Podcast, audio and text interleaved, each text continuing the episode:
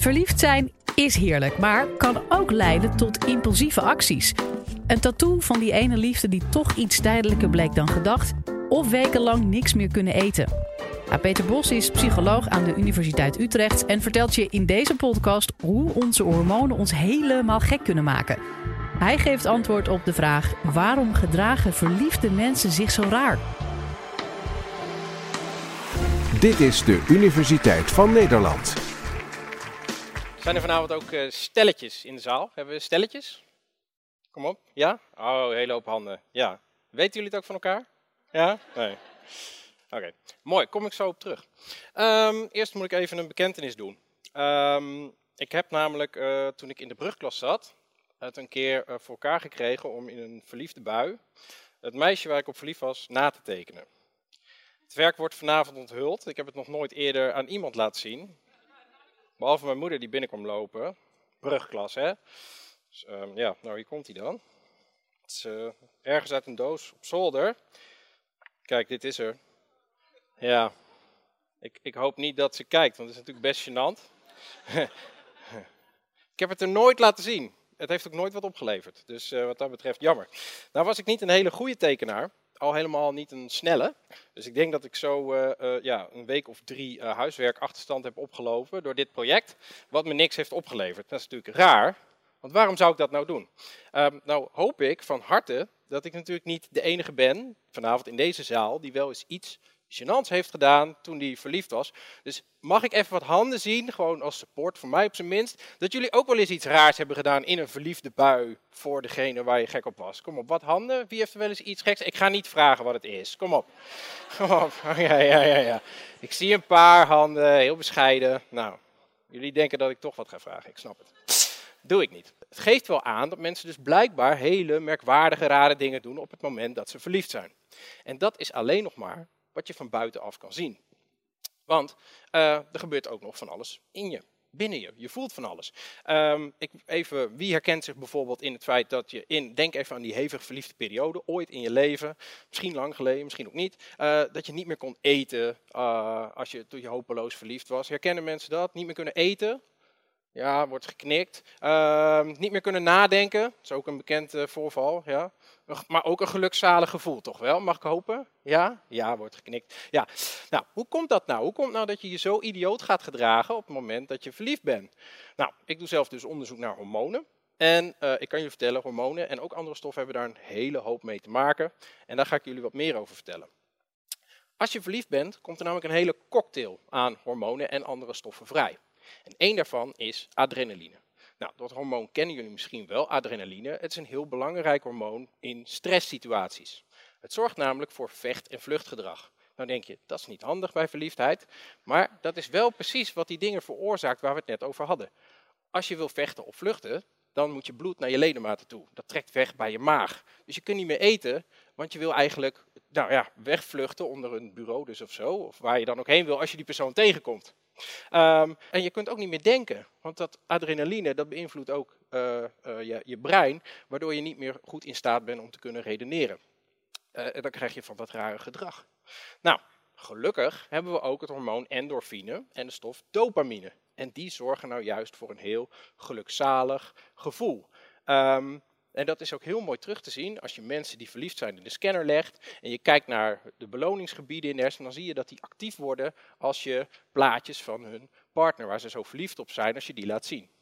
En de effecten van dopamine en endorfine, die zijn vergelijkbaar aan wat je ervaart als je bijvoorbeeld ecstasy of uh, cocaïne gebruikt. Nou ben ik zelf geen ervaringsdeskundige, maar ik dacht 200 mensen, er moeten er wat bij zitten. Dus um, kan iemand hier in de zaal bevestigen dat dat inderdaad het geval is? We zullen het niet tegen je ouders zeggen. Nee? Helemaal niemand? 200 mensen. Statistisch zijn jullie er. Hou daarboven een handje. Oké. Ja, daar zwaait iemand zelfs. Oh, oké. Maar goed. Los daarvan, het is dus een hele bijzondere combinatie dat je je dus gestrest bent en tegelijk zo'n heel gelukzalig gevoel hebt. Dat komt niet zo vaak voor, eigenlijk alleen bij verliefdheid. Dan wil ik nog even terug naar dat stressgevoel. Want uh, dat stress uh, dus eigenlijk veroorzaakt wordt door verliefdheid, dat is interessant. Maar een belangrijke vraag is, werkt het dan ook andersom? Kunnen we, door mensen in een stressvolle situatie te brengen, ook mensen een soort van verliefd maken? Nou, dat onderzoek is in de jaren 70 al een keer eerder gedaan. En dat hebben ze gedaan in een natuurpark in Canada, waar twee bruggen waren. Eén saaie, degelijke brug, waar je zo overheen kon stappen, laag boven het water, niks spannends aan. Maar er was ook een andere brug, hoog boven het water. Uh, dit is de brug die je daar zo ziet, dat is hem echt. Uh, een wiebelbruggetje, hoog boven het water, doodseng om overheen te lopen. Nou, wat hebben onderzoekers nou gedaan? Ze hebben aan het eind van die brug, daar hebben ze dus een mooie dame neergezet. En wat vroegen ze? Die wachten daar mannen op die over die brug heen kwamen lopen. En vervolgens vroeg die mooie jonge dame, wilt u meedoen met een klein onderzoekje naar creativiteit? Wilt u dit verhaal hier een verhaaltje schrijven? Nou, blijkbaar wilden die mannen dat doen. En vervolgens, en nou komt de crux, zei die vrouw, hier heeft u mijn telefoonnummer, mocht u nog vragen hebben over dit onderzoek, kunt u mij altijd bellen. Nou, wat bleek nou? Van de mannen die over dat enge bruggetje waren gelopen, belden veel meer op naar die vrouw om zogenaamd vragen te stellen over dat onderzoek. Heel opvallend. En het leuke was dat die verhaaltjes die ze moesten schrijven, die waren veel erotischer getint dan de mannen die over die saaie brug heen waren gestapt. Dus er lijkt wel wat in te zitten dat als je mensen stress, uh, in een stressvolle situatie plaatst, dat ze eerder verliefd lijken te worden. Uh, dit kun je dus natuurlijk gelijk gebruiken als datingtip. Wat je niet moet doen, zoals ik ooit gedaan heb, drie uur naar de Titanic gaan zitten kijken want hij zingt uiteindelijk en het heeft echt niks opgeleverd. Dat kan ik je garanderen. Het was e-, echt heel dramatisch. Um, een andere stof, die ook heel belangrijk is, is serotonine. Serotonine is een stof die in het voorste deel van de hersenen belangrijk is voor signaaloverdracht. Nou, de activiteit van serotonine is bij verliefdheid juist laag. Erg laag. Italiaanse onderzoekers hebben gekeken naar de activiteit van serotonine en vergeleken met patiënten die obsessief-compulsieve stoornis hadden. En wat blijkt nou? Die levels zijn identiek. Obsessief-compulsieve stoornis ken je misschien van mensen die 80 keer per dag hun handen staan te wassen. Maar eigenlijk zijn mensen die verliefd zijn natuurlijk ook een beetje obsessief-compulsief gestoord. Want ze checken 200 keer per dag de Facebookpagina misschien van degene waar ze gek op zijn. Hun telefoon, ze kunnen nergens anders meer aan denken. Is heel obsessief-compulsief gedrag eigenlijk. Nou, um, het werkt zelfs zo goed dat bij verhoogde serotonine, bijvoorbeeld als je antidepressiva neemt, dan hebben mensen vaak last van verminderde lustgevoelens voor hun partner uh, en ze zijn uh, minder zin in seks überhaupt. Um, zelfs zo goed lijkt dat te werken dat antidepressiva nu experimenteel gebruikt wordt om, voor mannen die last hebben van vroegtijdige zaadlozing. Ja. Kijk je niet aan, maar doe met die tip wat je wil. Naast serotonine hebben we nog een ander belangrijk hormoon. Dat is testosteron. Testosteron kennen we natuurlijk allemaal. Um, en dat is uh, gerelateerd hormoon aan de seksdrive, dominantie, agressie. Uh, en tijdens verliefdheid gebeurt er met testosteron iets heel bijzonders. Dat is namelijk afhankelijk van of je vrouw of man bent. In een weer Italiaanse studie, ik weet niet wat dat zegt, uh, werden testosteronniveaus gemeten in een groep mannen en vrouwen die hevig verliefd waren. En wat blijkt nou? Bij mannen gaan testosteronniveaus omlaag en bij vrouwen gaan ze juist omhoog. Nou, wat is daar nou de verklaring voor? Dat weten we niet helemaal zeker. Wat we denken is dat waarschijnlijk het geval is dat bij die mannen, kijk, die hebben een partner. Die hoeven niet meer te strijden om een vrouwtje. Die hoeven niet meer dominant, agressief en uh, het mannetje te wezen, want die, de buiten is binnen. Dus testosteron kan wel omlaag. Dat kan er ook voor zorgen dat je als man, uh, als je verliefd wordt en net een vriendinnetje hebt, van dat gedrag gaat laten zien waar je vrienden van denken van, gast, kom op. Doe even normaal. Bij vrouwen gebeurt er iets heel anders, dan gaat testosteron dus omhoog. Nou, dat zou wel eens kunnen komen doordat testosteron zorgt voor die hogere seksdrive. En we willen er op dat moment meestal waarschijnlijk niet over praten, maar het uiteindelijke doel van verliefdheid is natuurlijk een partner om baby's mee te maken.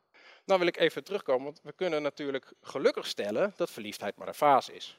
Dus dan wil ik even terugkomen op die mensen die ik in het begin gevraagd heb, waar die stelletjes zitten, of die dat kunnen bevestigen, dat de verliefdheid inmiddels voorbij is. Hm.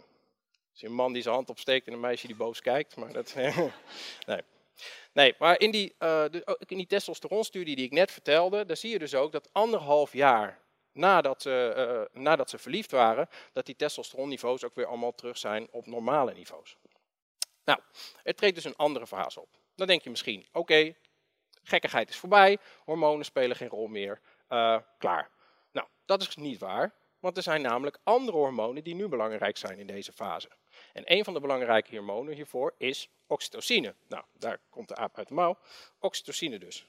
En het leuke aan oxytocine is, je kunt het in zo'n flesje stoppen en je kunt het als neusspray gewoon toedienen. Nou. Oxytocine, weten we van heel veel dieronderzoek, is heel belangrijk voor de moeder-kindbinding. Uh, het komt vrij bij massage, bij seks. Bij mannen is het waarschijnlijk verantwoordelijk voor het slaperige gevoel na de seks. Daar kunnen ze dus niks aan doen. Uh, nou, dan zou je denken, ja, wat gebeurt er nou als je dit nou zo toedienen? Dus dat kunnen we even... Oké. Uh, ja, wat gebeurt er nou? Spannend, hè? Het is misschien gek dat iemand zo'n hormoon in zijn neus spuit. Maar zitten, welke, zitten hier vrouwen die aan de pil zijn vanavond? Steek eens je hand op als je, als je anticonceptiepil slikt. Ja. Jullie nemen dagelijks een veel grotere dosis van een hormoon estradiol. En je hebt geen flauw benul wat het met je gedrag doet. Ik heb er tenminste nog voor gestudeerd. Hè? maar goed, wat gebeurt er nou? Waarschijnlijk wat er gebeurt, uh, en, en, dat uh, studies hebben dat laten zien, is dat na toediening uh, van die neusspray, is dat je beloningsgevoeligheid in de hersenen omhoog gaat bij het zien van, van foto's van je partner. Dus je hebt meer activatie in die beloningsgebieden. En wat er ook gebeurt, is als je op een vrouw afloopt, zullen we eens even eentje uitkiezen, dat, dat je meer afstand houdt van die vrouw na neusspray. Maar alleen als je een partner hebt. Want die lage testosteron, dat is de tweede die belangrijk is bij partnerbonding. Die moet dus juist lager zijn, en dat is ook wel logisch ergens, uh, want je hebt niet zoveel aan hoge testosteron als je een partner hebt. En dat is helemaal, het gaat helemaal omlaag wanneer ze en een partner hebben en ook nog eens kinderen krijgen.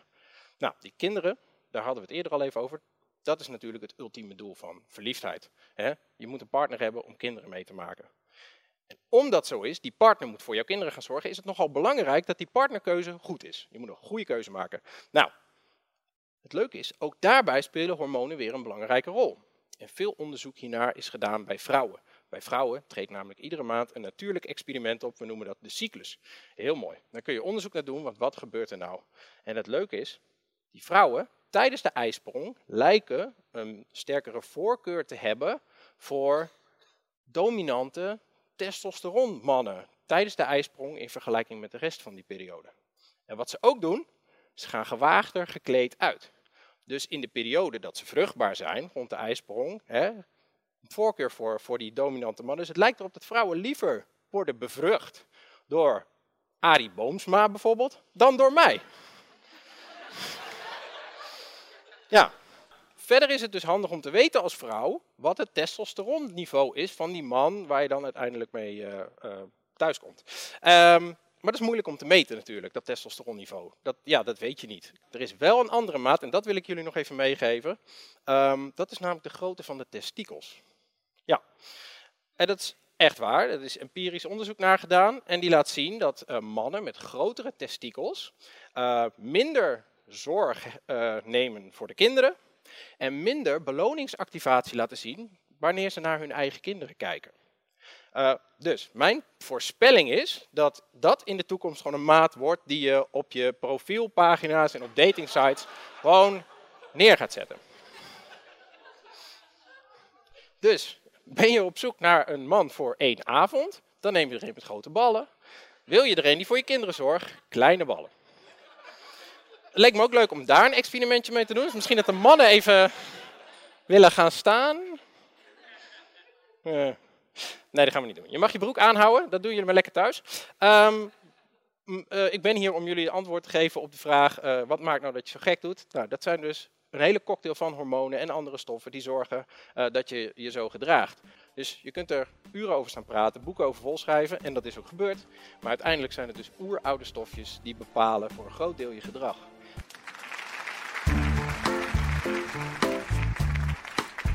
Dit was de Universiteit van Nederland. Wil je nou nog meer horen, bijvoorbeeld over de vraag waarom zoveel millennials kampen met een burn-out? Of hoe je een oogbal kunt bioprinten? Check de hele playlist.